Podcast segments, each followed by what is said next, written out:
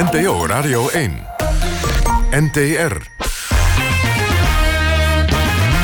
Kwesties met Marianne van den Anker. Goedenavond, vrienden van de radio. Welkom bij het live debatprogramma van NPO Radio 1... waarin wij actuele en brandende kwesties in Nederland bespreken. Alweer de achtste zomeruitzending over en met jongeren.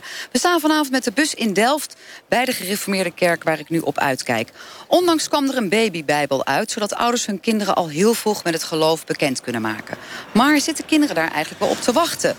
Willen jongetjes wel besneden worden of elke week naar bijbel- of koranles gaan... of naar de synagoge met je ouders? Moet je kinderen niet een beetje meer informeren over alle godsdiensten... en ze vervolgens als ze 18 zijn pas zelf laten kiezen? Of is het juist goed om je kinderen op te voeden met jouw religieuze normen en waarden? En kun je daar maar het beste zo snel mogelijk mee beginnen? Meekijken kan via onze Facebook NTR Kwesties.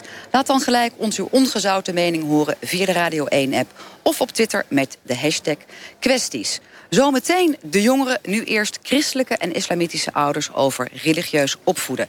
Aan de telefoon heb ik Inge Boscha uit Zeeland. Streng christelijk opgevoed en over zichzelf zegt ze... ik ben geloofsgetraumatiseerd.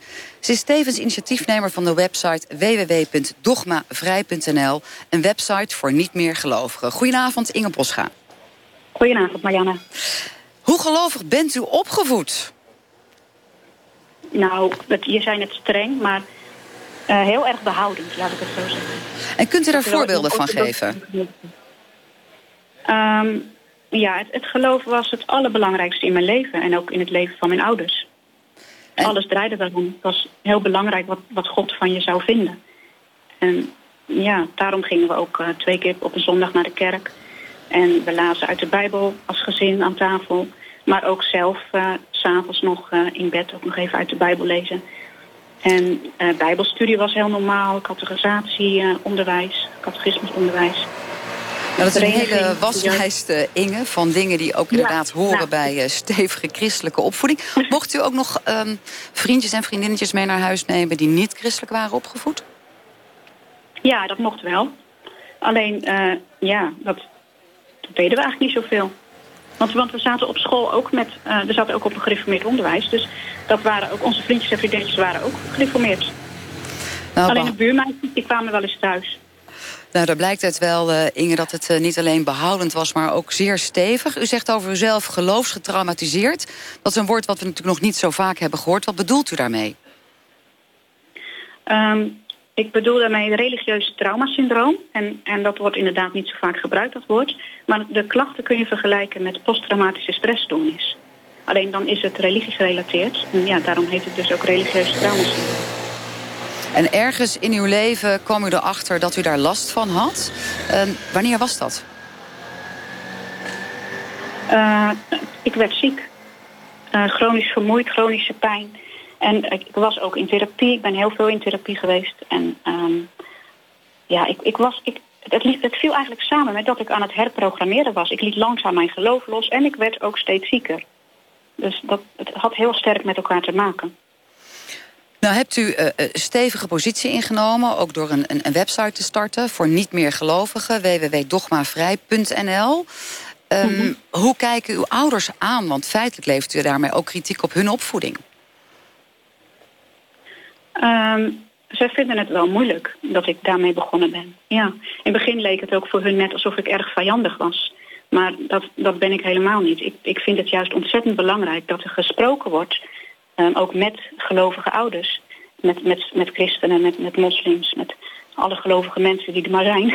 over um, dat een, een godsdienstige opvoeding ook schadelijk kan zijn. In sommige gevallen, niet altijd natuurlijk, maar in sommige gevallen wel.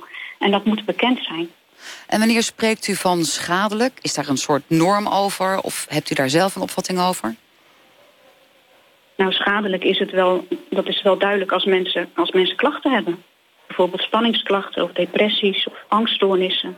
Een heel laag zelfbeeld of ja, relationele moeilijkheden. Omdat ze niet, bijvoorbeeld niet goed geleerd hebben om hun grenzen aan te geven. Of heel erg afgestemd zijn op de behoeften van de ander. En dat kan dan God zijn, de dominee, ouders. Als je heel erg geleerd hebt om te gehoorzamen dan, dan kan het heel moeilijk zijn om naar jezelf nog te luisteren, naar je eigen behoeften. En misschien ook zelf je ergens een mening over te vormen in alle vrijheid. Van informatie die je kunt vinden en van anderen misschien ook hoort. Ja, want, want ik merk als ik terugkijk op mijn leven... dan heb ik vooral geleerd wat ik moest denken en, en niet hoe. En dat moest ik op latere leeftijd nog gaan leren. Nou, bent u zelf inmiddels ook moeder van, uh, van uh, twee kinderen. Um, hoe voedt u uw eigen kinderen op? Ja, dat, dat is heel anders. Ja, niet religieus. En ik probeer hun dus ook juist zoveel mogelijk uh, te leren hoe ze zelf hun mening kunnen vormen. En ik vind het ook altijd fantastisch als ze het niet met me eens zijn. Ja, want dan kan je debat voeren en dat bent u natuurlijk van huis uit helemaal niet gewend. Nee, nee dat klopt. Nee, ik, ik ben gewend om mezelf gelijk te schikken naar de, de mening van een ander. Dan gaat het nu gelukkig... Ja. Sorry. Ja, dan gaat het nu gelukkig goed met u. Daar zijn we blij om, om te blij om dat eh, te horen. Wat kunt u vanuit die website betekenen voor mensen... die net als u in zo'nzelfde situatie zitten of hebben gezeten? Nou, het allerbelangrijkste is denk ik ehm, de boodschap... je bent niet alleen en je bent niet gek. Want dat is, er is vaak ontzettend veel eenzaamheid bij mensen die, die de, de club verlaten. Want het is je familie, maar het is, zijn ook vaak al je vrienden. Als mensen in een hele gesloten godsdienstige omgeving zijn opgegroeid... dan kennen ze daarbuiten bijna niemand. En als daarbij ook nog geleerd is dat de wereld vijandig is of gevaarlijk... dan, dan is het heel moeilijk om met de veroordeling van je oude groep in je nek... zeg maar, om aansluiting te vinden bij een nieuwe groep. Er komt vaak een periode van grote eenzaamheid bij die mensen. Nou, gelukkig bent u er dan met uw website dogmavrij.nl... om hen weer wat, uh, wat meer stevigheid te bieden. Een laatste vraag voor u, wellicht een confronterende. We hebben het over uh, schadelijke gevolgen gehad van dat geloof. We gaan het straks ook hebben over de rol van jeugdzorg daarbij. Vindt u eigenlijk dat met terugwerkende kracht jeugdzorg had moeten ingrijpen? Nee. Nee, dat vind ik niet. Waarom nee, niet? Ik had, wel, ik had het wel, nou, omdat mijn ouders, bij, in mijn, bij mijn, uh, mijn ouders bedoelt u? Ja. ja nee, omdat mijn ouders echt ontzettend liefdevolle ouders zijn en ik heb ook al hun liefde ontvangen. Zij hebben alleen een bepaalde visie, een bepaald wereldbeeld. En dat ik nou niet meer deel. Ik denk als ik in die kerk was gebleven, dan had ik misschien ook wel helemaal geen klachten gehad. Want dan, dan paste alles nog. Dan kon ik die jas aanhouden, zeg maar, die me aangetrokken was vroeger. Dan moet ik nergens terug van. Dankjewel. Inge Boscha was dat uh, uit Zeeland. Wij gaan hier uh, in Delft verder praten met dominee Arnold Vromans... van de Oude en Nieuwe Kerk hier in Delft. En ook met uh, Celoen Altoeltas. Hij is maatschappelijk werker, publicist en vader van twee kinderen. dominee Vromans, om met u te beginnen. twee kerken onder uw hoede. Ja, het is, eigenlijk onvoorstelbaar wat een rijk was. Als ik heel eerlijk ben, zei het dus als drie. Want ik heb ook nog de Bethlehemkerk waar ik in mag voorgaan. Dus uh, in Delft zeg ik altijd, ja, dat is aan niemand uit te leggen. Als je op zondagochtend mij wil vinden in de kerk... moet je zo geleid worden door de Heilige Geest zelf. Want ik ben elke keer ergens anders. Maar dat is een grote luxe. Het is heel bijzonder. Als je hier in de nieuwe kerk staat. We staan onder de schaduw ervan. Een prachtige ondergaande zon in een mooie stad. denk ik, nou, ik sta hier op de kansel. En daar ligt Willem van Oranje. En heb ik dat in de oude kerk. denk ik, nou, hier sta ik op de kansel. Ja, wie ligt daar wel niet? Jan Vermeer. Dus het is, ja, dat is heel bijzonder altijd. Daar blijf je heel nederig ook van. Ja. En dan hebben we het hier bij kwesties ook nog eens een keer over een religieuze opvoeding. En u bent zelf vader. Nou, we gaan er maar vanuit dat u daar een voorstander van bent, een religieuze opvoeding. Ja, ja, ik vind het gek om te zeggen. Ik heb mezelf nooit bezien als een voorstander daarvan. Ik vind dat gewoon iets heel moois om aan mijn kinderen mee te geven. Ik zat te luisteren net naar onze vorige spreekster. En dan ben ik heel eerlijk en dat vind ik gewoon heel verdrietig. Dat is gewoon triest. En ik vind ook zo'n, ja, in, in, mijn ogen bijna verwrongen christendom wat je dan krijgt. Ik zou zeggen, het christelijk geloof is dat er begonnen als de visie van... het gaat juist om geen fariseïsme, eh, niet al te veel wetties. Dat je ook zegt, dat je gaat juist om vrijheid. Is maar één regel, heb elkaar lief en je naaste lief. Dan denk ik bij zo, ja, dat is iets heel moois en goed, een positieve kracht. Ik heb wel de afgelopen dagen, ook nadat ik de vraag kreeg om uh, daarover te spreken... me er heel erg zelf op zitten bezinnen. Dus ik ben met mijn kinderen in gesprek gegaan. Nou, ik zeg, vind nou waardeloos? Indoctrineer ik jullie? En mijn uh, oudste dochter van zeven zei gelijk... ja, natuurlijk, want ik moet mijn groenten opeten. Maar er kwam niet het geloof bij aan de orde. Ik sprak net nog een gemeentelid van me hier op het terras op het plein... wel net nog het jazzfestival. En die zei daarover tegen mij... Ik heb het geloof thuis altijd als een hele positieve kracht ervaren. Die jongen is nu 27, 28. En, uh, dus ik denk dat het ook heel erg te maken heeft... hoe ziet het geloof eruit? Maar mensen daar niet over vertellen... Nou, dat zou in mijn uh, hoofd niet opkomen. Maar uh, wat wil je dan doen? Niks doen is namelijk ook een keuze. Dus je kan zeggen, ook humanisme dat lijkt heel clean, maar er zitten ook hele basale keuzes achter. En zomaar normen en waarden die uit de lucht komen vallen... daar zien we ook schokkende dingen in gebeuren. Ik heb persoonlijk ook niet het gevoel nou, dat je ziet dat de kerk kleiner wordt en krimpt. Dat nou de wereld daar enorm van opknapt... omdat al die mensen niet meer ja, geïndoctrineerd raken. Nogmaals, heel triest als dat gebeurt. Maar is het zo, dominee Vromans, dat um, we net ook spraken over uh, misschien een, een, vrij stevig, streng christelijk geloof? Je hebt natuurlijk gradaties in. Zou u zelf zeg maar, tot een milde school rekenen of bent u behoorlijk fanaat? Ja, het lastige is natuurlijk, ik hoor die mevrouw haar introductie, wat haar achtergrond is. En dan denk ik al gelijk, dat zit dit, dit en dit in. Ik heb ook mensen in mijn eigen gemeente die dat als achtergrond hebben... en die daar dus ook en met dierbaarheid, maar soms ook wel zeggen... ik heb daarin dingen gemist. En geloof was zeggen dat voelde aan als angstig of als, als donker. En uh, ja, die dan gelukkig in mijn gemeente vaak ervaren ze... nee, dit is mooi en licht en fijn en een grote waarde. Dus ook dat, ik heb er alle begrip voor en ik, ik snap wat daarachter zit. Hoe moeilijk dat ook is. Ja, dus dat, dat blijft complex, die vraag. Maar ja, ik zou zeggen, niet is ook een keuze. Niet religieus opvoeden. U doet het wel. Ja. Um, gewoon maar even, uh, uh, is het nou een verrijking of schadelijk? Een religieuze opvoeding? Ik kan er heel kort over zijn. Ik heb de vraag, zou ik niet zelf beantwoorden. Ik heb het gevraagd aan mijn kinderen. En die zeggen dan gewoon, wij vinden dit een verrijking. Wij vinden het heel fijn. En zoals mijn uh, oudste zegt, zegt ze, nou, ik vind het heel fijn als het niet goed gaat... dat ik weet dat God ook bij me is. En dat vindt zij een grote meerwaarde. Dat is voor haar ook een echte realiteit. Ik denk dat geloof erin geen keuze is, maar uiteindelijk aansluit bij een hele diepe ervaring. Kijk, we zien allemaal muren, stenen, mooie dingen om ons heen. Maar ergens voldoet dat niet. Kijk uit, want als een dominee aan het woord raakt, kom je er niet meer tussen. Dat zal ik eigenlijk net zo bedenken, maar u gebruikt prachtige woorden. Naast mij ook uh, Jalal Altoentas, maatschappelijk werker, publicist, vader van twee kinderen. Um, bent u zelf gelovig? Nee, ik ben niet uh, meer religieus. Ik denk dat het goed is om de terminologie goed aan te geven. Het is gelovig en religieus. Wel religieus opgevoed, islamiet. En mijn vader is imam. Ik uh, ben zelf ook min of meer imam geweest.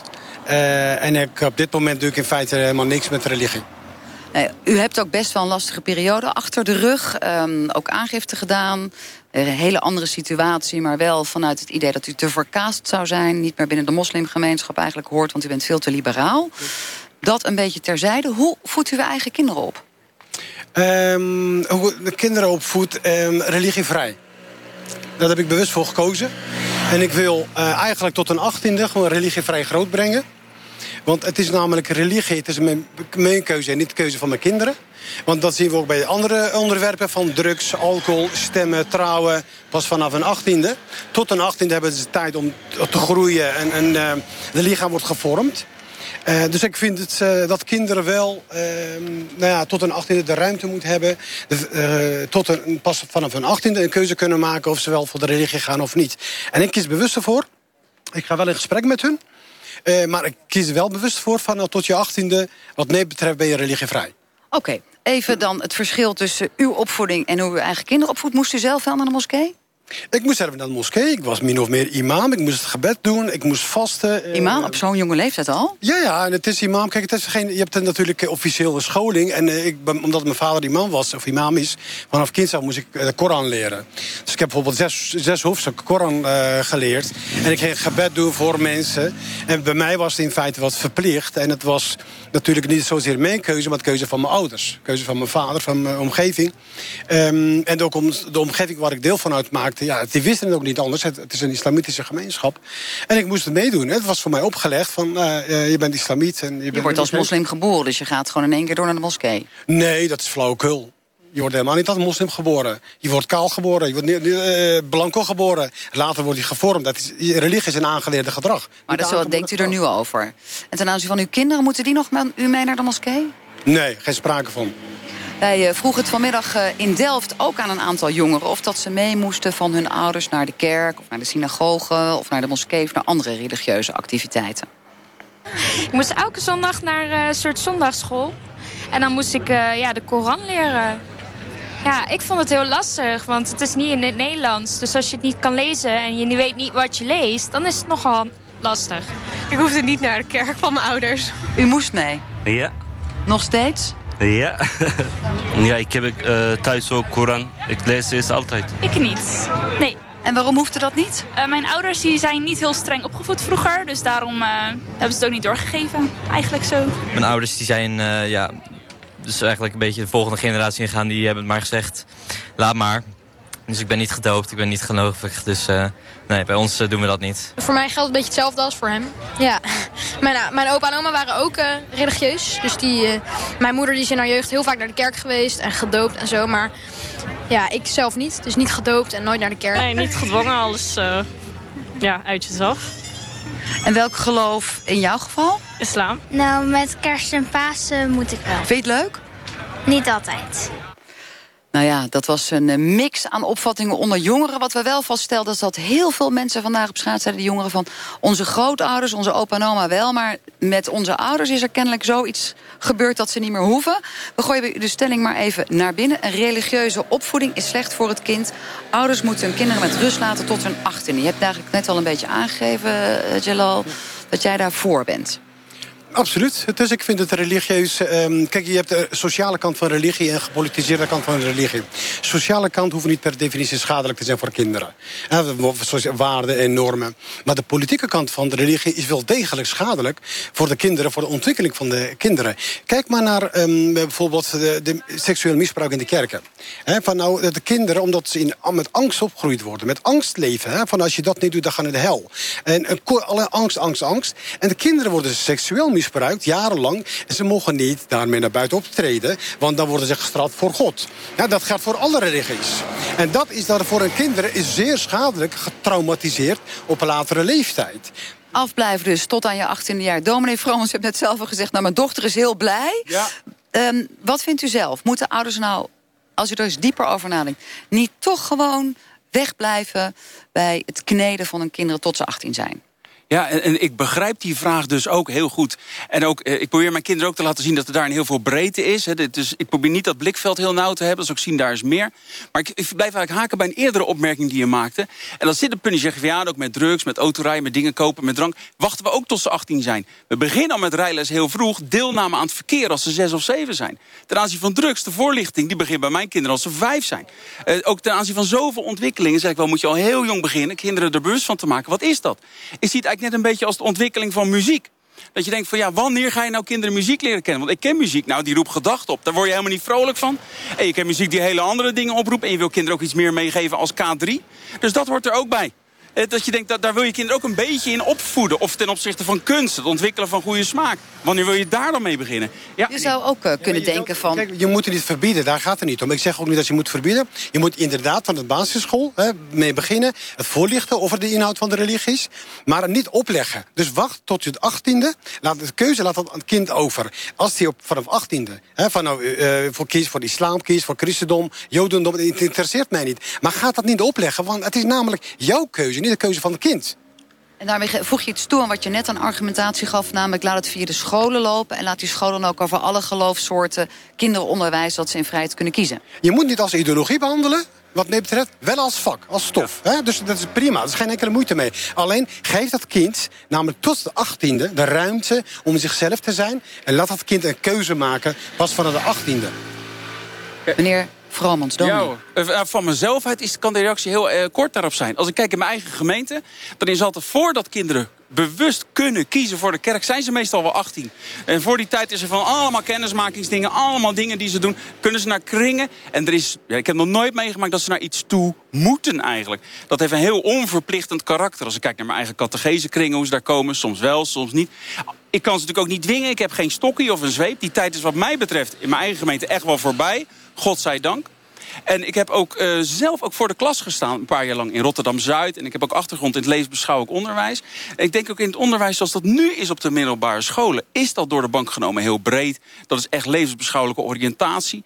Waarbij ik ook zou zeggen dat ik het dan juist belangrijk vind... dat het ook echt neutraal is dat zou dat eigenlijk niet tot geloof moeten brengen. Dat moet echt een objectiverende, abstraheren. Want ik vind dat mensen dat moeten leren. Ook ten opzichte van hun eigen geloof. Ook kritisch. Is dat niet Jalal, een denk je daar hetzelfde over? Nee, is dat niet een beetje naïef wat u eigenlijk zegt? Ja, u geeft het voor uw dochter van zevenjarige als, steeds als voorbeeld. We hebben het over een kind van zeven. Die moet nu eh, eh, groeien tot de achttiende. Een kind, die kent nog steeds... Kinderen zijn loyaal aan de ouders. Dus ja, het is een beetje naïef om te denken... ja, mijn, kind, mijn dochter kiest ervoor. Mijn dochter kiest ervoor de, voor de religie. Dat is een beetje te naïef. Maar de dominee zei net, mijn dochter heeft uh, uh, nog even aan de keukentafel gezegd... dat ze blij is met God. Het geeft haar rust. Wat vind je daar dan ja, van? Wat is dat, God? Wat, wat begrijpt dat kind, arme kind? Van, dat kind van zeven kan ook zeggen... ik ga trouwen, ik ben verliefd op uh, Kees of Ahmed. Ja, wat, dat, dat voelt ook goed. Gaat hij dat ook goedkeuren? Gaat hij dat ook goedkeuren? Oh, als mijn kinderen verliefd zijn, dan neem ik dat ook serieus en ernstig op. En dan vind ik dat een mooie en schone zaak. Dat hoor ik graag. Ik ben ook nog steeds verliefd op mijn eigen vrouw, dus dat hou ik graag in stand. Nee, ik denk dat het... Uh, je kan ook zeggen, het is naïef om te denken dat kinderen nooit, nooit iets opkrijgen. En ik denk dat kinderen ook van 7, 8, 9, 10, 11 jaar tegenwoordig zo wereldwijs zijn. Wat ze allemaal meekrijgen aan indruk. Ik vind de onderschatting om te denken van die kunnen dat rationeel nog niet besluiten.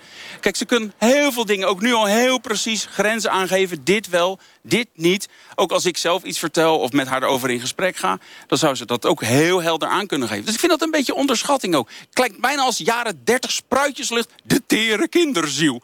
Nou, de, de, kinderziel die niets anders ja. meer hoort dan alleen maar... een geloofsschool, een geloofsgemeenschap en dat de hele dag door. Wat, wat ik me zorgen om maak, van u geeft het nog steeds... het blijft dat kind uh, hangen.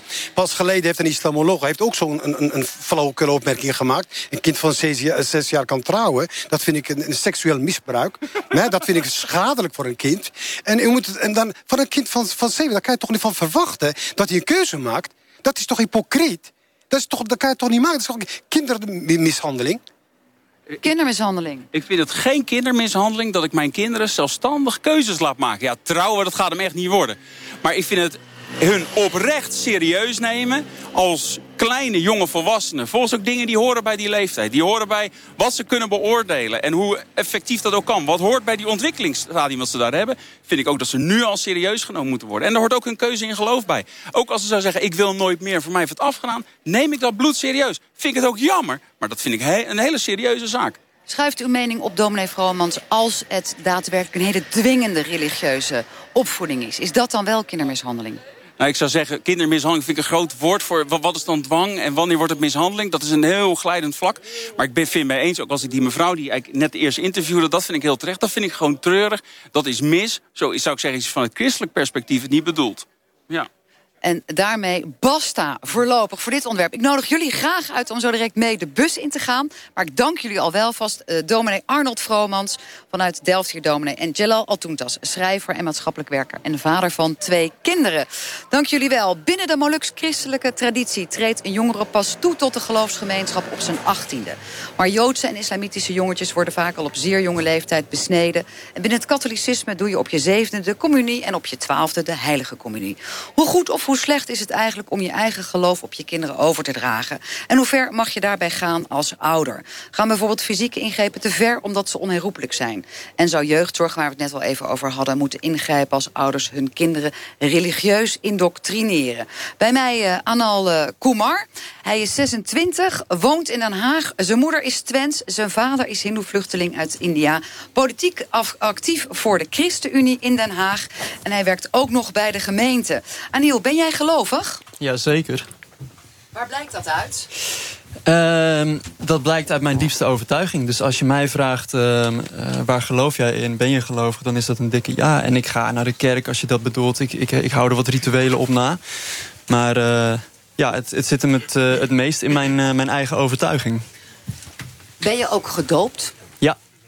Dan heb je ook een, een, een gemixte uh, ouderpaar. Ja. Um, waar ben je, heb je het meest van meegekregen qua geloof? Ik heb eigenlijk uh, vrijwel alles van mijn uh, christelijke moeder meegekregen. En heel weinig van mijn, van mijn vader. Die had een bepaald beeld toen hij naar Nederland kwam. Via een hele omweg, omweg gevlucht uit India. Gevlucht voor religieus geweld. Ehm, wilde ook dat wij als zijn kinderen, mijn, ik en mijn broertje goed zouden aarden. Echt, echt als Nederlanders zouden worden opgevoed. En uh, wat hem betreft hoorde daar dus ook de, uh, de opvoeding bij... die mijn moeder het beste zou kennen als Nederlandse. Mis je dat stukje hindoe nog in jezelf? Nee, ik mis het stukje hindoe in mezelf niet. Maar ik miste wel op een gegeven moment die bredere blik. Um, ik vind het fantastisch om christen te zijn. Uh, maar ik denk dat ik me geheel aansta bij uh, dominee Vromans... die het daar net al over had op straat. Dat, je af en toe, uh, dat het je af en toe juist kan verrijken... als je ook die brede blik erop nahoudt. We gaan hier bij kwesties een paar minuten voor half negen... vijf jongeren introduceren die allemaal iets met geloof hebben... of daar juist niks mee hebben. In dit geval allemaal mannen. Dat is niet bewust zo gedaan, maar het is wel zo. en daarna gaan we natuurlijk het debat met elkaar aan. Arjan den Beste, 24, student biologie. Christelijk hervormd opgevoed, Arjan. Hoe christelijk was jouw opvoeding? Um, als ik dat moet zeggen, dan zou ik zeggen ergens in het midden van het spectrum, zeg maar. Um, niet extreem zwaar en ook niet heel erg licht, zeg maar. Moest je nog dingen? Ja, er wordt wel verwacht dat je twee keer naar de kerk gaat. Um, dat je een catechisatie gaat. per dag? per week, ja. Geen last van gehad? Um, ja, het is, ja, het is een heel ingewikkelde vraag uh, die je nou stelt. Um, dat belst heel veel, heel veel uh, um, aspecten ervan die, die op de een of andere manier wel schadelijk kunnen zijn. Ja, maar dat legt heel erg aan, uh, aan de situatie. We hadden natuurlijk net al even, ik probeer wat, wat meer te ontlokken... over uh, indoctrinatie, dat het schadelijke gevolgen kan hebben... maar dat het je ook enorm kan verrijken, dat het troost biedt. Hoe ziet dat voor jou als je terugkijkt op jouw jeugd? Um, voor mij heeft het geen um, merkbare positieve uh, aspecten gehad eigenlijk. Uh, het was meer vanuit angst en zo en dingen moeten. En dat voelde ik als kind heel erg goed aan. En je weet wat er van je, van je, van je wordt verwacht. En um, dat ga je dan weer doen. Want was, ik was heel erg loyaal naar mijn ouders toe, zeg maar. Hoorde Inge, die ook de website Dogma Vrij heeft opgezet, net zeggen... Um, het was moeilijk voor mij om eruit te breken... omdat ik bijna niet meer in staat was om zelf te kunnen nadenken. Zo was ik meegenomen. Ja, daar, daar herken ik wel in, ja. Ja, en, en is daar nog iets van blijven hangen... waar je nu nog steeds last van hebt, wat je moeilijk kunt overkomen? Um, ja, een, um, een soort van faalangst, zeg maar. Want je, je krijgt mee, zeg maar, van... het is goed om te falen, zeg maar... En dat bedoel ik dan, um, als je faalt, dan, dan zit je op een, uh, op een laag punt. En dan, um, dan kan je naar Jezus toe, zeg maar. En dan kan je daar je ei kwijt en dan kan je het van hem verwachten, zeg maar. Maar ja, dat, heeft, dat, dat is niet echt goed uitgepakt bij mij, zeg maar. Je kan er nog om lachen. We gaan zo direct uh, horen hoe scherp je bent uh, in het uh, debat. Um, ook hier in onze bus Eheb Mohammed Osman. Jij woont en werkt in Rotterdam. Je hebt hier ook aan de TU Delft gestudeerd. Jonge vader ben je. En je was voorzitter van de Delftse Islamitische Studentenvereniging Ibn Firnas. Um, waren hier vorige week ook over studentenleven en bij de OW-week. Hoe anders is een islamitische studentenvereniging dan een gewone studentenvereniging? Uh, dat ligt er natuurlijk aan hoe ze dat uh, implementeren. Uh, als allereerst even beginnen bij het begin. Um, als je praat over islam... en mijn, mijn antwoorden zullen ook allemaal gebaseerd zijn vanuit... niet vanuit wat doe je religie, maar meer vanuit islam. Islam is een overtuiging, zoals christendom ook een overtuiging. Nou, het begint met een, simpele, een paar simpele stelregels... dat je gelooft dat er een God is. Dat die God de mens geschapen heeft. En dat hij dus ook de mens geschapen heeft... en dat hij weet wat het beste is voor, voor die mens, voor, voor, de, voor het mens. Ik hoor het al. Ik ga van jou geen antwoord krijgen nee, op hoe ver die vereniging anders is. maar wel kom, dat jij in ieder geval een islamitische achtergrond uh, hebt. Uiteindelijk, uiteindelijk uh, is die, die geloofsovertuiging die gaat over in uh, manier van leven. En een manier van leven, dat zal je terugzien in de vereniging. Dus als je praat over moslims, die mogen geen alcohol drinken. Het mixen baard. van mannen en vrouwen, ja, baard kan, dat was dan geen plicht. Maar de, kijk, het ligt er dus net aan hoe die vereniging dat implementeert. Omdat je er zelf een hebt, en ja. overigens ook. Nou, beter ook, die ga je er zo direct nog horen. Maar je kunt in ieder geval uh, zoveel implementeren als je wilt. En uh, zo weinig als je, als je wilt, zeg maar, vanuit uh, wat, je, wat je wilt. Wij hebben, ik heb toen geprobeerd, vooral in de latere jaren om zoveel mogelijk islamitische aspecten te implementeren in onze vereniging. En dat is uh, ja, bijvoorbeeld mannen en vrouwen. Het, het mixen van mannen en vrouwen, le lekker gezellig met elkaar kletsen enzovoort. Dat, dat is uh, niet, islamitisch niet helemaal verantwoord. Nou, dat probeer ik bijvoorbeeld ook te, in de vereniging te implementeren en, en dat soort zaken. Ja. Je bent inmiddels ook een jonge vader. Ja, ja jong, 34. Ja. ja. Je kinderen zijn 3,5. Je hebt een tweeling van uh, vijf maanden. Klopt, ja. Um, hoe doe je het zelf als vader qua religieus opvoeden? Kijk, uh, mijn dochter is natuurlijk pas 3,5. Uh, maar wat we nu dus meegeven is uh, Koranversen leren. En dat ze dat al 3,5? 3,5, ja, ja. Ze is een slim meisje. Ze kan Egyptisch, ze kan Nederlands... en ze kent ook een aantal hoofdstukken van de Koran uit haar hoofd. Uh, dat geven we mee. Uh, wat heb je nog meer in islam? Normaal heb je, als je niet, als je niet moslim bent, heb je vaak eh, verjaardagfeest en dat soort dingen, kerst en zo. Nou, uh, als islam zijn, als je dat goed implementeert, vier dat soort dingen niet. Maar dan heb je bijvoorbeeld het suikerfeest of het ramadanfeest, beter gezegd. Het uh, slagfeest. En dat soort dingen probeer je dan ook uitbundig te vieren. Dat ze, ook, dat ze niet iets, uh, iets missen qua feesten en, en gezelligheid en snoepjes en cadeautjes en dat soort dingen. Dus de dingen die we meegeven zijn één Koran, uh, de taal ook. Ze gaat straks ook wat jullie betreft naar een islamitische school? Ze gaat nu naar een islamitische voorschool. En ze gaat Zelfs naar, naar een islamitische voorschool? Ja, ja zeker. Ja. En mag ze andere vriendinnetjes en vriendjes mee naar huis nemen die niet islam zijn? Ja, waarschijnlijk zitten er op die school geen uh, mensen die niet moslim zijn. Maar, uh, maar doe je het daarom ook ja. bewust dat je kind ook naar zo'n school stuurt... omdat daar bewust geen andere gelovigen zijn? Nee, of mensen gaat, die het gaat niet, niet gelovig zijn? Het gaat niet uh, direct om de mensen die er zijn... maar het gaat meer van hoe zij islam implementeren. He, dus als wij praten over de verschillende feesten die er zijn vanuit de islam... de verschillende normen en waarden... dan zullen die op de school meer geïmplementeerd zijn dan op andere scholen. Dus dat is stap 1. Stap 2, je woont natuurlijk ook in Nederland. Dus ja, als er bijvoorbeeld een vriendinnetje op de straat is... en die wil naar huis komen, prima, die niet moslim is. Hoofddoek, is dat nog een eigen keuze of moet ze die op de zevende opdoen? Vanuit de islam gezien uh, zijn er eigenlijk drie fases van het opvoeden. En dat is, uh, zijn drie keer zeven jaar. De eerste zeven jaar is uh, spelenderwijs opvoeden. Nou, daar zitten we nu in, dus ze heeft geen hoofddoek op nu. De tweede zeven jaar, dus vanaf 7 tot 14, dat is uh, het opvoeden. Dus dan moet je uh, het kind meer corrigeren. En de laatste zeven jaar is het bevriend raken. Dus het hele verhaal van uh, het dwingen enzovoort enzovoort. Als je daarmee bezig bent op 18e, dan ben je al eigenlijk te laat. Want, maar hoor ik het nou tussen de regels toch goed dat op zevende hoort de hoofddoek er eigenlijk wat jullie betreft wel bij voor? We gaan spelenderwijs gaan we dat meebrengen. Dat we in ieder geval, eh, vanuit islam kan ik niet zeggen, ik kan iemand, mijn dochter niet islamitisch opvoeden. Als ik zeg maar overtuigd ben dat dat een goede manier is, dan moet ik haar ook zo opvoeden. Okay. Als ik verwarming heb staan thuis en die is heet. En ik weet dat als mijn dochter straks de hand erop gaat leggen, dat haar hand verbrandt, kan ik niet zeggen, ja, ik mag, je mag je eigen keuze maken. Leg je hand maar op de verwarming, gaan we straks naar het ziekenhuis, geen probleem. Dus uh, Dank, ik, ik, zal het meegeven zover, en ik hoop dat uh, ze zelf de keuze maakt uiteindelijk. Dank tot zover. Ja. Um, ook Peter van der Wal, fotograaf en columnist. Jij komt uit een streng gereformeerd gezin. Je ziet er nu heel modern uit. Dankjewel. Maar het was pittig. Toch? Vertel. Um, in die zin, vanaf mijn tienerjaren ben ik opgegroeid in de Gifmeerde gemeente in Schravenzande. Voor die tijd waren mijn ouders een beetje aan het zwerven. Die, die waren zelf ook christelijk opgevoed, niet zo zwaar. En die zijn in de loop van de jaren zijn ze beland in de Gifmeerde gemeente. Dus voor die tijd was het vrij rustig. En, en nou goed, we kwamen in de Gifmeerde kerk terecht. Gifmeerde gemeente, sorry. Is dat een beetje vergelijkbaar met zwarte kousen? Ja. Zo mag je het inderdaad. Hè? Er is geen tv. De vrouwen die dragen een rok. Uh, de man wordt gezien als hoofd van het gezin. Uh, op zaterdag ga je niet uit. Ben je om 12 uur thuis. Uh, bereid je voor op de zondag. En dat was vanaf mijn tiende jaren tot ongeveer dat ik 20, 21 was inderdaad. Poeh, zeggen wij dan. Nou, op zich was dat voor mij niet toen poef eigenlijk. Ik had uh, zelf wel een... een, een, ik, vond het prettig in die kerk. Uh, ik, ik, speelde op het orgel. Uh, in het verenigingsleven was ik actief.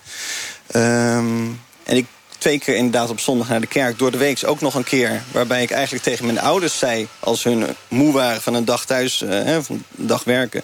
zei ik, nou, eigenlijk moeten we wel naar de kerk vanavond. Dus ik was juist meer degene die... ik was de actieve. En ergens is er een keer een verandering gekomen. ook de mensen die jouw naam googelen zien ook dat jij met een aantal artikelen ook ergens bent verschenen. Ja. Er is een kentering geweest. Ja, dat was... Um, ik had een vriendinnetje en um, ik had het heel erg prettig met haar. We waren verloofd. En um, nou, dat is niet goed gegaan. En, en ik raakte toen uh, depressief. In hetzelfde jaar uh, van mijn depressiviteit kwam uh, bij een psycholoog, een christelijke psycholoog, kwam naar boven dat ik op jongens viel. En um, dat was best wel een struggle. ja, met capital letters, zeg maar eigenlijk. Het was vrij moeilijk, omdat ik in een kerk zat waar homoseksualiteit werd, niet geaccepteerd werd. En um, ik heb daar wel heel lang in de kerkbanken gezeten van ben ik nou hier de enige? Het was een vrij jonge, verenig, jonge kerk met veel, veel jeugd. Uh, ik had veel vrienden uh, van dezelfde leeftijd. Niemand was homo of lesbienne of wat dan ook. Uh, iedereen was hetero. En, um, ja, ik zat daar echt een beetje van, moet ik nou? En um, toen uit de kast gekomen... En toen is er een 12 jaar, 13 jaar heeft er gevolgd met een moeilijke band met mijn ouders. Van acceptatie, afwijzing. En, en, na 13 jaar heb ik er zelf voor gekozen om mijn ouders te laten weten van... Um, ja, dit, dit, zo lang trek ik het niet meer. Je vertelt het nu rustig, um, maar wat we over jou weten... heb je ook moment gehad dat je thuis kwam... en dat jouw ouders zeiden, met zo'n gedoopt voorhoofd... je kan het niet maken om homo te zijn. Jouw zuster met negen kinderen die zegt... oom Peter is zondig tegen haar eigen kinderen. Um, je bent eigenlijk door je directe bloedband... mensen die je zouden moeten beschermen, je familie, verstoten. Um, zo kan je het inderdaad wel noemen. En ik begrijp ook wel dat mijn ouders uh, op een, een, een wip zaten van liefde voor een kind maar ook uh, de kerk. En, en, mijn moeder heeft ooit gezegd... Uh, de kerk gaat boven mijn kinderen. En dat heeft bij, bij mij zo ingehakt. Um, en als je dan 12, 13 jaar wordt afgewezen... met een vriendje thuiskomen, mag niet. Ben je vrijgezel, dan mag je wel weer komen. Um, ja, dan denk je op een gegeven moment van... Ik, moet, ik hoop nog lang te leven, maar niet op deze manier. En als, als dat zo moet, dan, uh, dan kan dat niet voor mij. Je zei net, het was een struggle met uh, capital. Nou, daar krijgen we natuurlijk allemaal commentaar op. Het zijn twee keer Engelse woorden, maar het was dus heftig voor jou.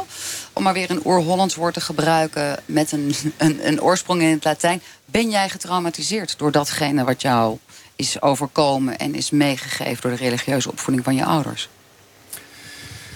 Um, Laat ik zo zeggen dat uh, ik nooit gedwongen ben door mijn ouders om naar die kerk te gaan. Uh, dat, dat, dat niet. Um, wat er daarna volgde van niet-acceptatie. De kerk uh, die sloot hun deuren. De kerkraad waar je eigenlijk een pastorale... Uh, ja, dat je iets verwacht van... oké. Okay, je hoopt dat je daar terecht kan met je zorgen. Ja, ik had ook beleidenis gedaan. Dus dat wil zeggen dat je een stapje verder bent gegaan, zeg maar, als het ware. Je kiest voor die kerk, bewust op je negentiende.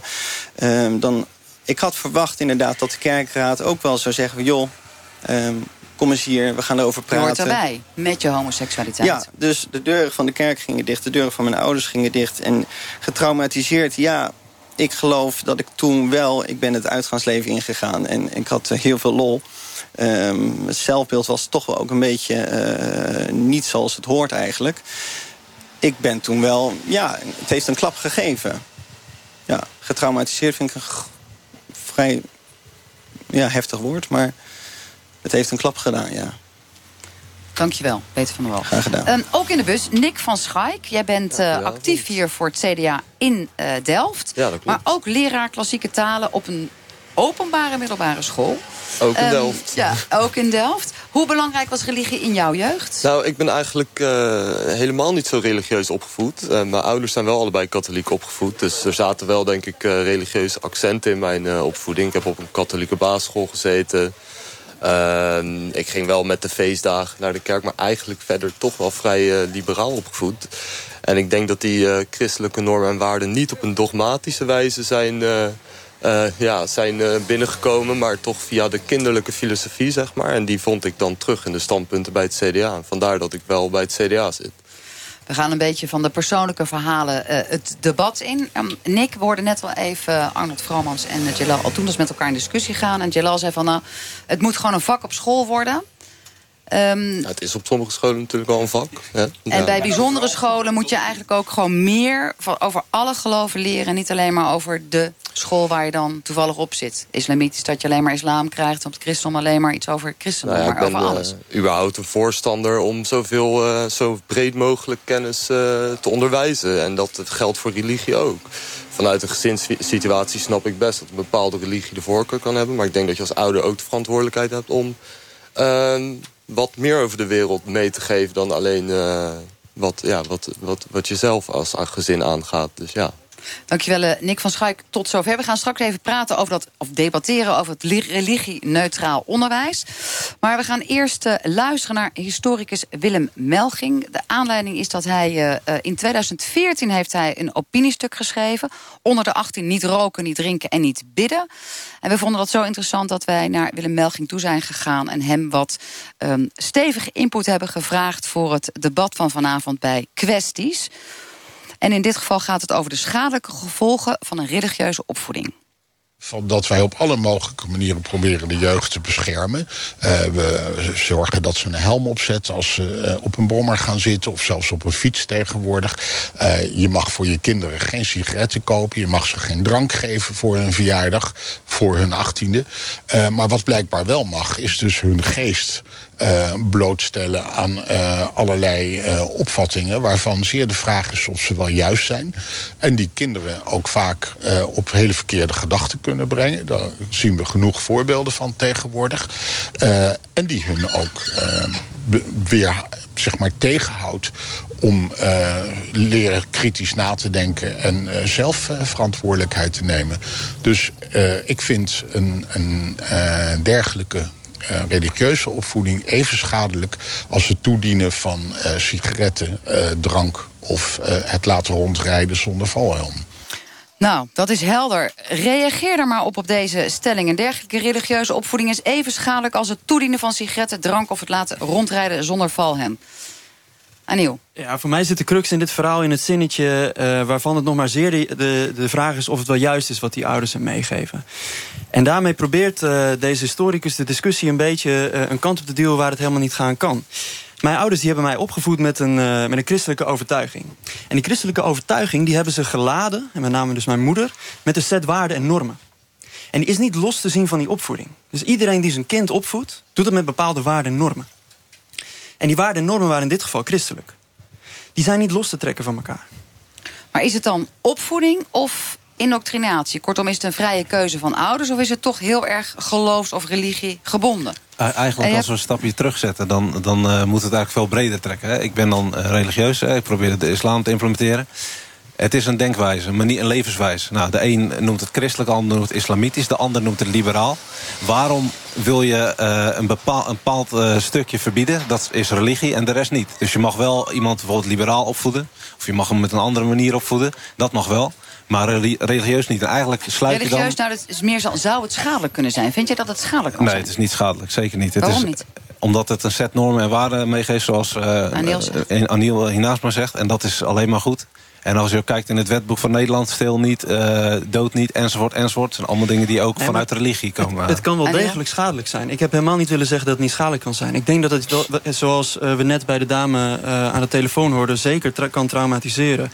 Maar dat is nou juist een strijd eh, die vanuit het geloof zelf... vanuit die religieuze gemeenschap zelf gevoerd moet worden. Als wij als christenen zeggen... wat jij hebt meegemaakt is niet goed... is niet goed, is niet zoals het vanuit de christendom geïnterpreteerd zou moeten worden... of is niet zoals ik het heb beleefd... dan is dat juist vanuit ons een, een opgave om haar te vertellen. En niet zo eentje die van buitenaf opgelegd moet worden. Nick Ja, en Peter, ja, ga ik maar. Denk, ik denk eigenlijk dat we wel zouden kunnen stellen... dat elke opvoeding potentieel schadelijk kan zijn. Of dat nou religieus of niet religieus is. Ik denk dat als je je kind atheïstisch opvoedt... maar met een hele sterke communistische indoctrinatie... dat ook fout kan gaan. Dus ik denk dat, er, ja, ik denk dat, er, dat, het, dat het niet per se religie is. eh, wat, Er zijn veel Ik meer schadelijke kinderen dingen. die zijn getraumatiseerd omdat ze zijn opgevoed met, met voetbal. Juist. Dus, weet je, dus dat is op dat punt heb je echt duizenden en kleuren. Dus eh, weet je, mijn vader is Ajaxiet. Weet je wat ik te verduren heb thuis? Het is verschrikkelijk. Nu gaat het heel goed. Jarenlang, man. Nee, dus op dat punt denk ik, heb je echt zoveel kleuren als de regel. Ik zou niet zeggen het is per se religie. Ja, maar- het kan meer zijn dan religie, maar Ja. het kan wel schadelijk zijn wat exact. ouders doen. Nee, Peter, het zien, Peter de opvoeding moet je, moet je zien als een, een- als een meer. Dan kan je in je opvoeding kan je als ouders daar ballen in gooien. Eh, over religie of over alcohol, over drugs. Hoe harder jij die bal naar beneden drukt, hoe harder die naar boven springt. En dat zie je vaak bij de christelijke, toch wel de strenge, eh, dogmatische religies. Die jongens die dus, of meisjes die eh, los van de kerk komen, die schieten uit in drugsgebruik, in uitgaan. In, ehm, dus hoe harder jij die bal naar beneden drukt, hoe harder die eruit komt. Er wordt eh, gelachen, geknikt, Arjan. Ja, ehm, nou, het kwam al een paar keer naar voren. Ehm, het probleem is vooral de dogmatische versies van alle, alle religies, zeg maar. Ehm, en het ging net over eh, moraal en zo. En dan denk ik daarbij... ehm, waarom ehm, moet dat per se verweven zijn in, in een religie? Je kan ook zonder een religie eh, mee te geven, moraliteit meegeven. Daar heb je een religie niet voor nodig. Dat is eigenlijk hetzelfde. Er kunnen meer dingen verkeerd gaan in de opvoeding... dan alleen maar te strikt en te, stri- te ja, religieus. Het voorbeeld van, eh, van het voetbal ook al, ja. Maar goed, het kan wel schadelijk zijn wat ouders doen in die opvoeding. Moeten we het dan gewoon zeggen van nou laat die ouders maar gewoon zo min mogelijk opvoeden. Laten we dat gewoon lekker overlaten aan scholen. Maar wie, wie maakt Nee, de keuze dan? Wie, dat- iemand van boven, eh, de regering of wat dan ook, die gaat dan neerleggen. Ja, wat, ook, staatsopvoeding. wat ook een mening is, krijg je een staatsopvoeding. dus die gaan bepalen. Vandaag is eh, die partij aan de macht. Morgen is misschien meneer Wilders misschien aan de macht. Krijgen we een andere soort opvoeding. Ja, maar daar Dus zit het dan- in. Het is, het is precies wat... Ik ben even je naam kwijt. Wat Arjan. Arjen, wat je zei het- met een mooi woord. Iedereen heeft een stukje moraliteit. Elke ouder geeft vanuit die moraliteit bepaalde waarden normen mee aan zijn kind. En het is aan die ouders uiteindelijk en niet uh, aan de staat. Pas als het heel slecht gaat, kan die interveneren. Maar aan die ouders is het de taak, de prachtige taak... om hun kind op een goede manier op te voeden. En ik denk dat het probleem van deze hele discussie... terug te leiden is naar een veel groter probleem volgens mij in dit land. En dat is dat we allemaal een beetje lijden aan religiestress. Zeker de laatste tijd. Dat moeten we helemaal niet doen. We moeten veel relaxter met de religie omgaan. En zien uh, dat religie juist ook in een opvoeding... hele mooie dingen kan meebrengen. Maar naast jou zit Peter een jonge vent. Jullie zijn ongeveer even oud. En die kon toch met zijn homoseksualiteit, wat wij ook uh, gewoon in ons wetboek hebben staan, dat we dat accepteren. Um, ja. kon daar niet mee in de geloofsgemeenschap terecht. En ook niet bij zijn ouders. Nee, maar ik zat net in de auto... Hoe relaxed is dat dan? Ik zat net te luisteren in de auto naar uh, een van de beste geloofsrelativisten in dit land. En dat is Herman Vinkers. En als, echt, als hervormd opgevoed jochie vind ik uh, zo'n katholieke cabaretier fantastisch. En die, zei, uh, die had daar een stukje over. En dat is dat uh, homoseksualiteit ook in zijn kerk werd gepredikt als tegennatuurlijk. Maar ja, dat is lopen over het water ook, zei hij. Ja. En opstaan uit de dood na drie dagen is dat ook. Maar dus je zou het uh, zowel kunnen Arjan zien. als Peter hebben toch vanwege de geloofssituatie thuis stressklachten gehad. Ja. Uh, allebei een psychiater, psycholoog, coach uh, bezocht. Zoiets Ja. wat erop lijkt. Peter, kan het wel of niet schadelijk zijn? Um, oef, ik, ik, ik, ik, ik denk dat ik het geluk heb, zeg maar, dat, dat ik niet vanaf geboorte in die kerk ben opgegroeid. Um, ik, ik, zie, ik zag kinderen in, in, van, drie, van de peuter-kleuterleeftijd, uh, drie, vier jaar inderdaad, in de kerk zitten. En, en, en anderhalf uur luisteren naar een dominee die bulderde het zwarte zaad, uh, zondig, uh, zelfs met bruiloften. Als je denkt van dat moet een, vrolijk, een vrolijk gebeuren zijn. Ja, daar werd alleen maar ge, ge, ja, hel en verdoemenis verkondigd. Ja, ik geloof best als je dus van, van geboorte aan tot achttiende... of dat je op een gegeven moment zelf... Hè, als je dan homoseksueel of ontdekt dat je gevoelens hebt voor hetzelfde geslacht... Uh, ja, dat, ja, zeker, ja.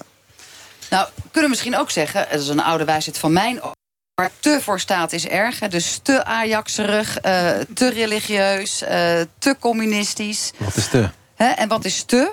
Maar dan kom je wel mij. toch snel weer in die indoctrinatieachtige er zijn setting namelijk terecht. twee, Eheb. twee dingen die we hier moeten scheiden, denk ik. En dat is zeg maar één, uh, de religie of geloof. Uh, en, en uh, met normen en waarden. En de implementatie ervan. Hoe ga je het overbrengen? Wat ik hier vooral hoor dan, als ik het niet goed, verkeerd begrijp...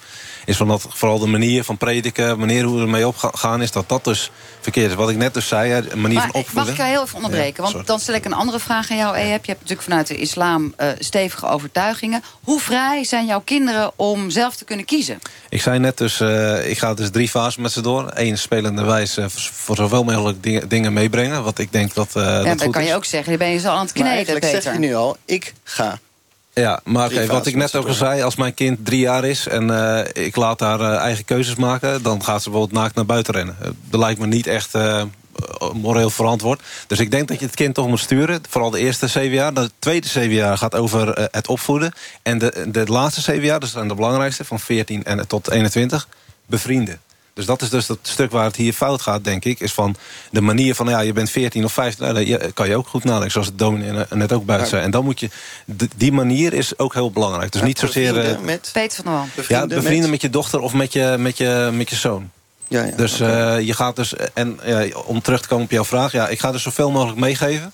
Uiteindelijk als uh, mijn dochter uh, volwassen is moet zij die keuze maken van uh, islam is niet iets wat je oplegt. Maar Men we moet weten wel maken. dat het vrij lastig is bij zowel streng uh, gereformeerd... Nou, alles wat heel erg streng en stevig is in geloof... om daaruit te kunnen breken. Dat, is, dat vraagt veel moed. Ja, en wat is, wat is de streng? beloning daarvoor is vaak dat je wordt verstoten. Wat is streng? Ja, het is een kwestie van keuzes, hè? Ja, weet, ik, ik denk dat wat je... André Frammers, de dominee. Ik denk, weet je wat me erg blijft haken was zoals Peter zei... is wat het echte probleem is, dat je ook niet gehoord wist. En dat is gewoon heel erg. Ik moest denken, een hele goede vriend van mij... die ook zelf predikant is en al gaande in de studie dat ontdekte... dat hij dus homo was. Dat hij ook zei dat dat moeilijk was in zijn relatie met zijn hele familie. Want hij kreeg in één keer... Blijkbaar is iets heel geks gebeurd in onze samenleving... dat je seksuele identiteit blijkbaar in één keer alles moet zeggen. Dat vind ik heel storend. Hij zei dus dat veranderde mijn hele beeld. Mijn vader had heel beeld bij mij over de toekomst, met kinderen. Hij zei dat werd allemaal anders. Hij zei maar ook de plek van de kerk. Maar die had wel heel mooi dat hij toen bij een gemeente zat... waar ze ook een aparte gespreksgroep hadden... waar er heel expliciet over ging. En daar veel ruimte voor was. Dus dat maakt blijkbaar heel veel uit. Peter wil reageren, Ja, maar dat zelf de microfoon. Ik dacht, dat, uh, ik dacht dat de verzuiling, zeg maar, dat dat voorbij was. maar je ziet juist in, in... En we praten nu telkens over de, de streng christelijk. Of, of, eh, je hebt natuurlijk ook Light versies. Juist, eh, waar, maar juist de wat zwaardere, die, die sturen hun kind naar de- zo'n school, naar zo'n sportvereniging. Zo, dat is nog steeds, anno 2017, is dat het verhaal. Waardoor... Ja, kunnen we ehm, dat, dat openbreken wellicht? En wellicht zou dat wat betreft Nou. onderwijs ook anders moeten. En wederom hebben wij daar onze Willem uh, ja. Melging, historicus, eh, over. Eh, over dat religie-neutraal onderwijs en de rol die onderwijs wellicht op een andere manier kan spelen. Nee, maar we hebben juist... Nou ja, het is natuurlijk moeilijk om eh, dingen te gaan verbieden. Dat wil je ook helemaal niet. Maar in Nederland specifiek zou je kunnen zeggen dat de overheid eh, misschien zou moeten besluiten om niet langer bijzonder onderwijs eh, te subsidiëren. Eh, hè, dat is een oplossing uit 1917. Dat was in die tijd heel erg. ja, voor de hand liggend om de maatschappelijke vrede te bewaren. Maar als je nu kijkt naar de statistieken, eh, zijn er nog maar heel weinig mensen die echt principieel hun kinderen een religieuze eh, opleiding willen geven en onderwijs willen geven. En eh, mijn stelling is dan ook, dat zouden ze dan zelf moeten betalen. En dan kan de overheid zijn geld uitgeven aan religie-neutraal onderwijs. En zo zou je het dus kunnen openbreken. Aniel, jij wilde daarvoor al reageren. Ja, nee, want ik, ik denk dat dat juist... ehm, we hadden het net over dogma's, hè. En ik denk dat een van de grootste dogma's op dit moment... de anti-religie-dogma is in het land. Ik denk dat juist binnen religies in Nederland... van christenen tot islam... er heel veel vrijheid is en steeds meer vrijheid is... om te kiezen wat je wil. En op heel veel plekken, ze merkte ook in de verhalen net... eh, nog altijd niet. Maar die keuzevrijheid is er. Je kan gelukkig in dit land kiezen om te zeggen... ik wil mijn kind naar een openbare dagopvang... of een a-religieuze basisschool sturen. Je kan er ook voor kiezen om dat niet te doen. En die keuzevrijheid, die moeten we koesteren. Maar, maar de kinderen kunnen zelf natuurlijk niet kiezen. Het wordt voor jou bepaald door je ouders. Dat hebben we volgens mij gelukkig in dit land zo goed geregeld... dat je als ouder een bepaalde taak hebt. En die taak eh, die heet opvoeding. En dat mag tot je achttiende. Ehm, helaas verzaken sommige ouders dat ook wel. En gelukkig geïnterveneerd Ja, te maar daar zijn we natuurlijk ook heel, zeg maar, we hebben een soort norm. af- Als het dat lichamelijk of seksueel verkeerd gaat, dan grijpen we in. En ten aanzien van religie, is er wat jou betreft, Aniel, ook nog een moment dat je dan als staat of als jeugdzorg moet ingrijpen? Nou ja, als, wij, ehm, eh, als je bij religie, een religieus instituut zoals een school... eh, een school met, eh, met de Bijbel of een school met de Koran... iets ziet wat tegen de wet ingaat... ja, dan interveneer je als staat natuurlijk. Want dan ga je gewoon een wetsgrens over. Maar gelukkig hebben we ook een wet... die juist die vrijheid binnen het onderwijs heel erg koestert... tot heel vergaand. Arjan? Ja, ik zelf heb op ehm, reformatorisch onderwijs gezeten. En ehm, wat ik gemerkt heb is dat eh, omdat je eh, op geloofsgronden een, een, een school kan beginnen, eh, krijg je een segregatie van eh, geloofs. ehm, eh, ja, hoe noem je dat? eh, groepen, zeg maar. En eh, dat vind ik eh, heel erg schadelijk, want het, het, ehm, ehm, dat uitzicht dat ze bij bepaalde vakken ehm, worden. Je wordt een beetje geïsoleerd in, in hoe je zeg maar, wordt opgevoed. Je krijgt maar één ding te horen. Ja. Is dat wat je wil zeggen? Ik heb eh, zelf bij biologie heb ik bijvoorbeeld meegemaakt dat er gewoon compleet onzin aan je verkocht wordt. onder het mom van dit is zo. En dat moet echt niet kunnen. En daar moet de overheid geen geld aan betalen. Aan dat soort praktijken. Oké, de overheid geen geld. Wat vinden jullie daarvan? Wat is de Moeten we in de laatste Wat vind jij, Eb? Bijzonder Nou- onderwijs afschaffen? Religie-neutraal onderwijs? Nee, dan, Even- eh, wat- ja of nee? Al, even terugkomen wat de dominee net buiten zei. Sorry, nee, ja of nee? Nee, niet afschaffen. Dan, Niet eh, afschaffen. dan scha- schaf je vrijheid af. En dat is juist waar het land niet voor staat. Aniel? Vrijheid afschaffen. Totaal mee eens. Wat vind jij, Peter? Ja of nee? Afschaffen? Nee, niet afschaffen. Wat vind jij, Arjan? Over bijzonder onderwijs? Ja. Eh, ik ben voor ehm, een seculier onderwijs, ja. Dus ge- geen bijzondere scholen. nee.